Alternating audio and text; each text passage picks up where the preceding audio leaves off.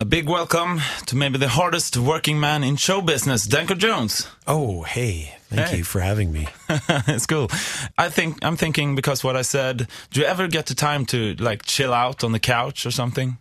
Absolutely. Yeah. Yeah, you do? it's all about time management. Yeah, But also, you know, cut out a lot of the uh, quote unquote time wasters in the day. I'm really behind on my movie watching and really behind on video game playing and all that kind of stuff. Oh, so, yeah. So, um, yeah, that's just how it goes. yeah. So the TV series and stuff that everyone's seen, you you're in behind there. I'm always a few seasons behind Yeah. or years behind. yeah. You guys have been around for almost two decades now, Yes. 19 years. Yeah. How did it all start in Toronto? It all started like like a lot of bands start in different scenes in every city. Um, you know, we were in bands and then they broke up and then we formed new bands from the ashes of the old bands and then until something sticks, you know, and so this this stuck. We just kept at it. JC was who plays bass, he was in one band and our bands played together and then they broke up and then we formed this band and that's just how it goes. All right. Did you know from the start that you were going to be like a trio? Yeah, we we kept it at three players. Um, uh, not for anything, you know, only because I think a fourth person would have muddied the mix at that point.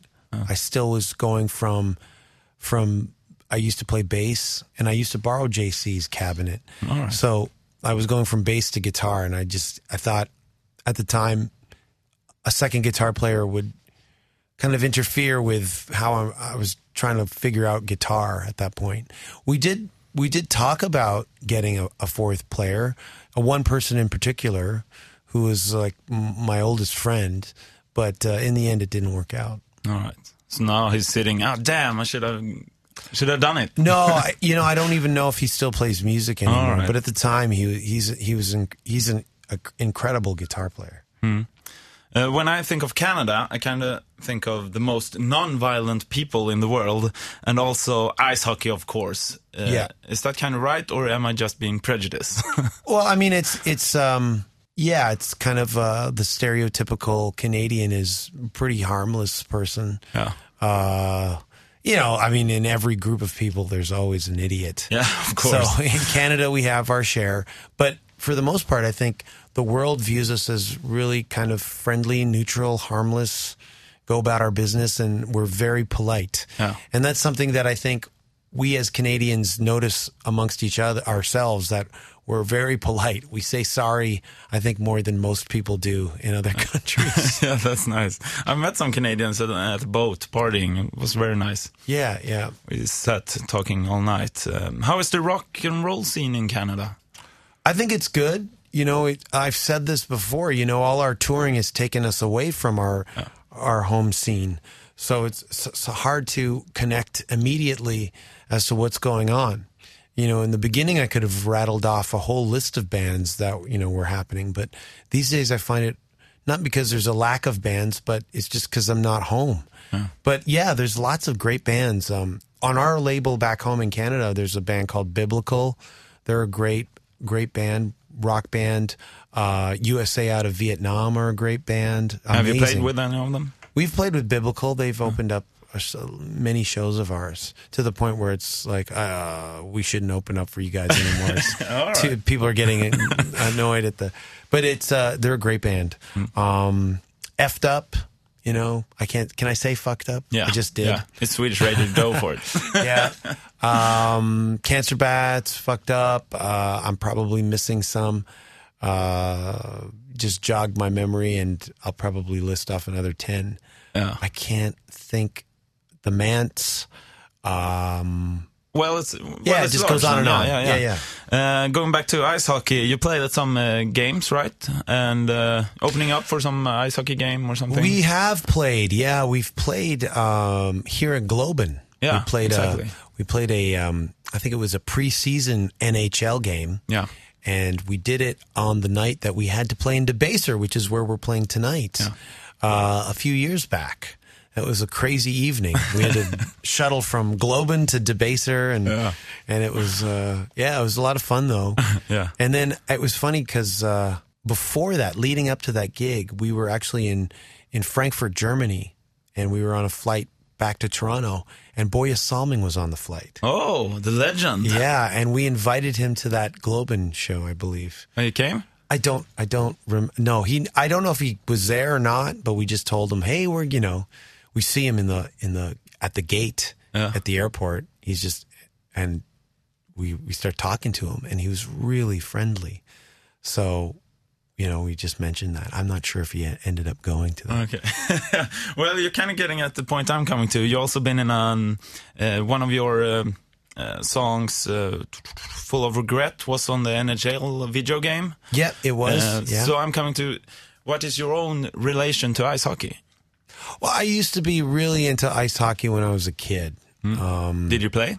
No, my mom would never let me play. Although I could skate and I could I could stick handle and everything. Yeah. But she never let me play organized hockey, which was a huge thing in Canada. Like all my all my classmates, all my friends were were playing organized hockey. And I was the only kid who wasn't allowed. But now it's coming out that you know a lot of kids kids in these uh, uh, leagues were, you know, overzealous parents, uh, concussions, and overzealous players because of the parents, perhaps. So in a way, I kind of like am glad that she steered me clear of that now with hindsight. But you know, back then I was I really wanted to play. You still have your teeth left. yeah, yeah.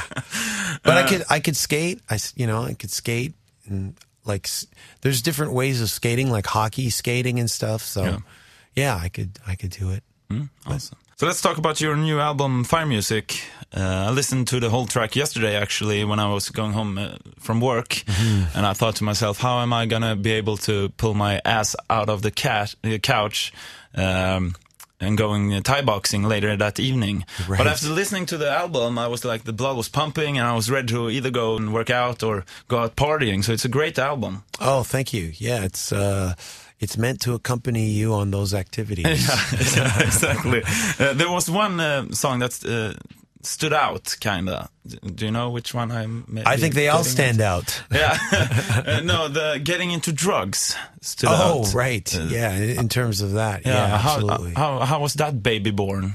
Um, it's uh, it's obviously it's a very tongue in cheek. Um, I don't do drugs. No. I mean, I've tried in the past, I've done in the past, but I don't do them. I haven't done them in a very, very, very long time.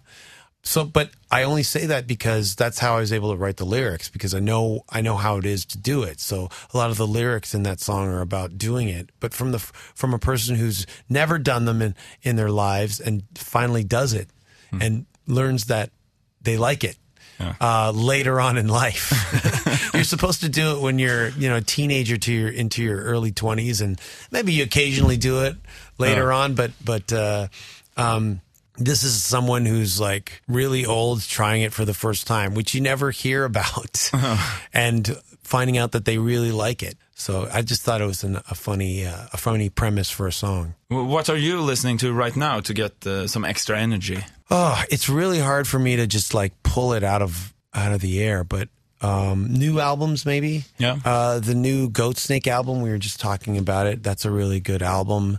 Uh, Mojave Lords, a band called Royal Thunder, are amazing. Not to be confused with Royal Blood, who are actually making a lot of more headway than Royal Thunder. But Royal Thunder are amazing band fronted by uh, um, Mitzi Parsons, who I think she's an incredible singer, and um, New Alabama Shakes.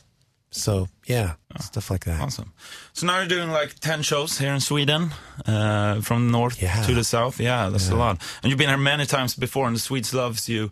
How come you come back? You just said So it. Everybody seems to enjoy the shows and like the band. And I think, you know, in the 90s, in the late 90s, there was a Scandinavian rock wave hit Yeah. everywhere with the Hellacopters and the backyard babies and Lucifer and stuff like that, flaming sideburns. So Scandinavia is a place where through those bands, I think maybe uh, everybody uh, hopped on the hard rock wagon and, and stayed on it.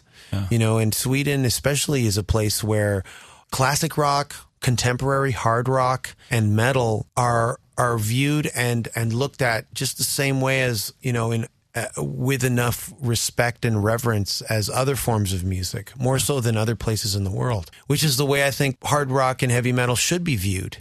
Unfortunately, not so much. But Sweden is a place where they do give it the respect and the reverence that it deserves. Um, so it's a it's a great place to if you if you're in a rock band to play because the audiences are knowledgeable and respectful. They know you know the references. So it's an it's an easy sell, you know. It's like an easy audience to win over because they know what they're watching. Yeah.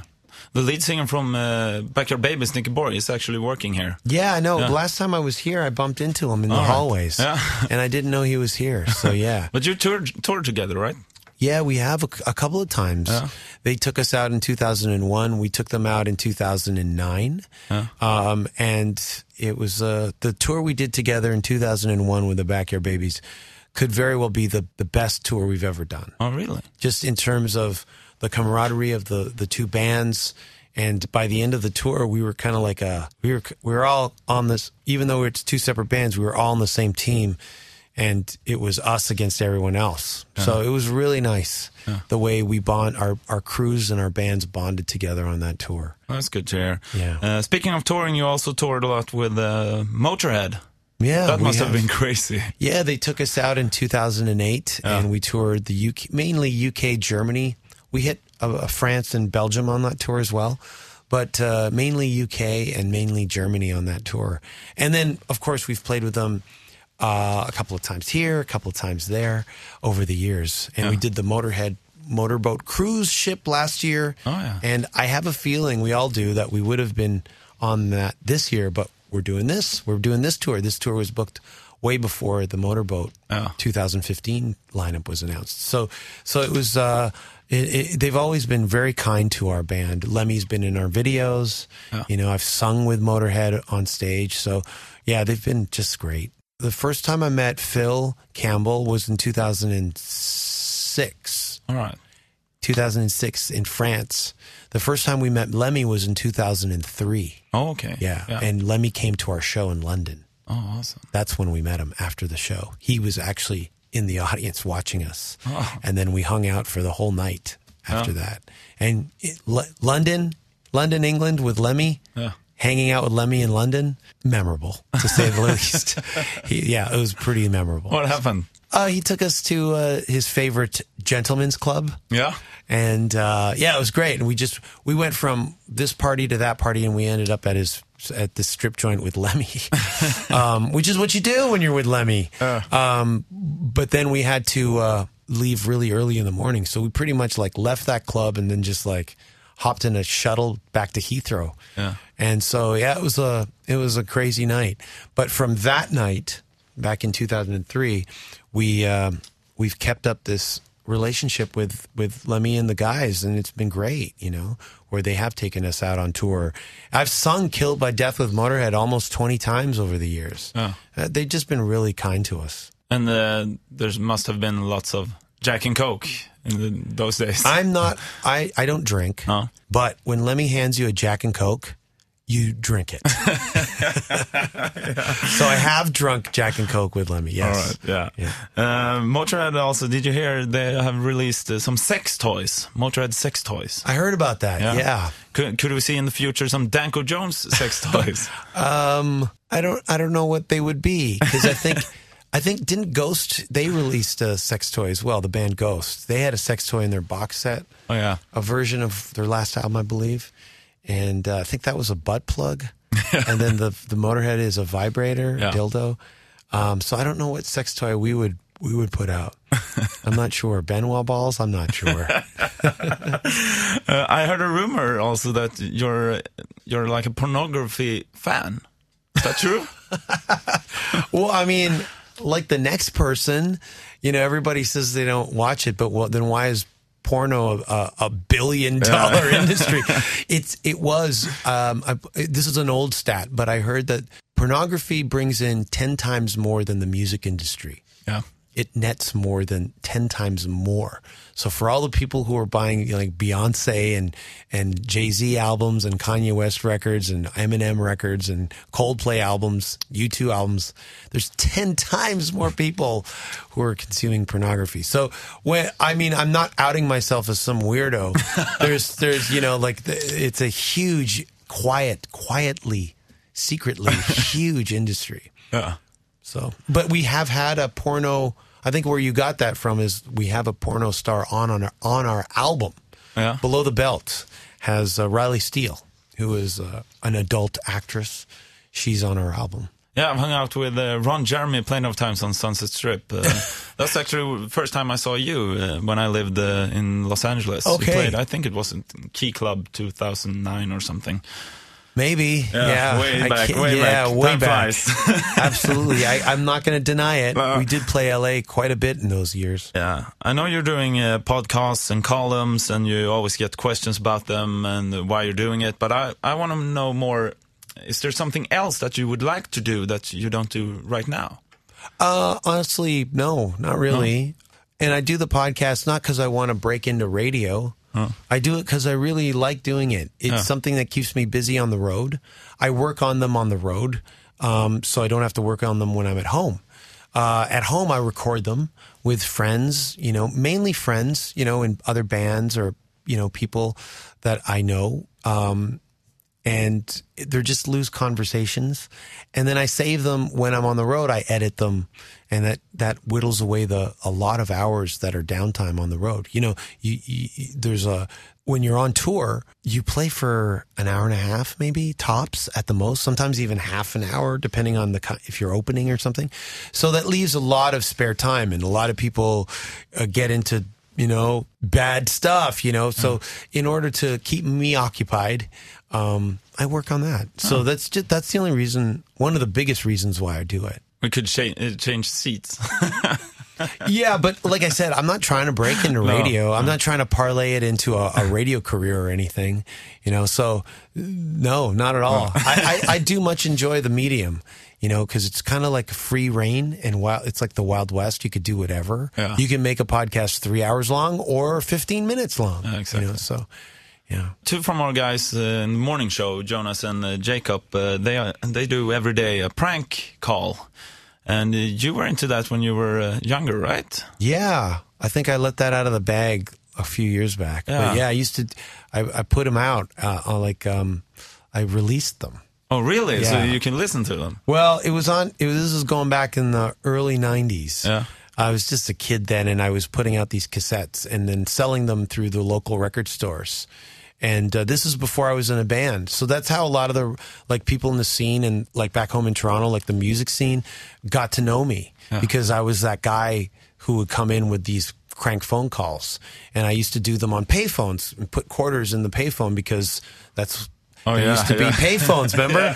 Lined up, and I would go to the bank with like a twenty dollar bill, and I'd get uh, twenty dollars in quarters, and I just like put them in Uh-huh. and just tape every single conversation. I had a phone tap thing that I put on the, the, the phone receiver and I, it would record the phone call and then I would just call up these people and until I got a good call and then I would use that for the cassette. It was a really easy way to compile these phone calls. Uh, were you any good? I thought it was good. We sold a lot of cassettes. Yeah.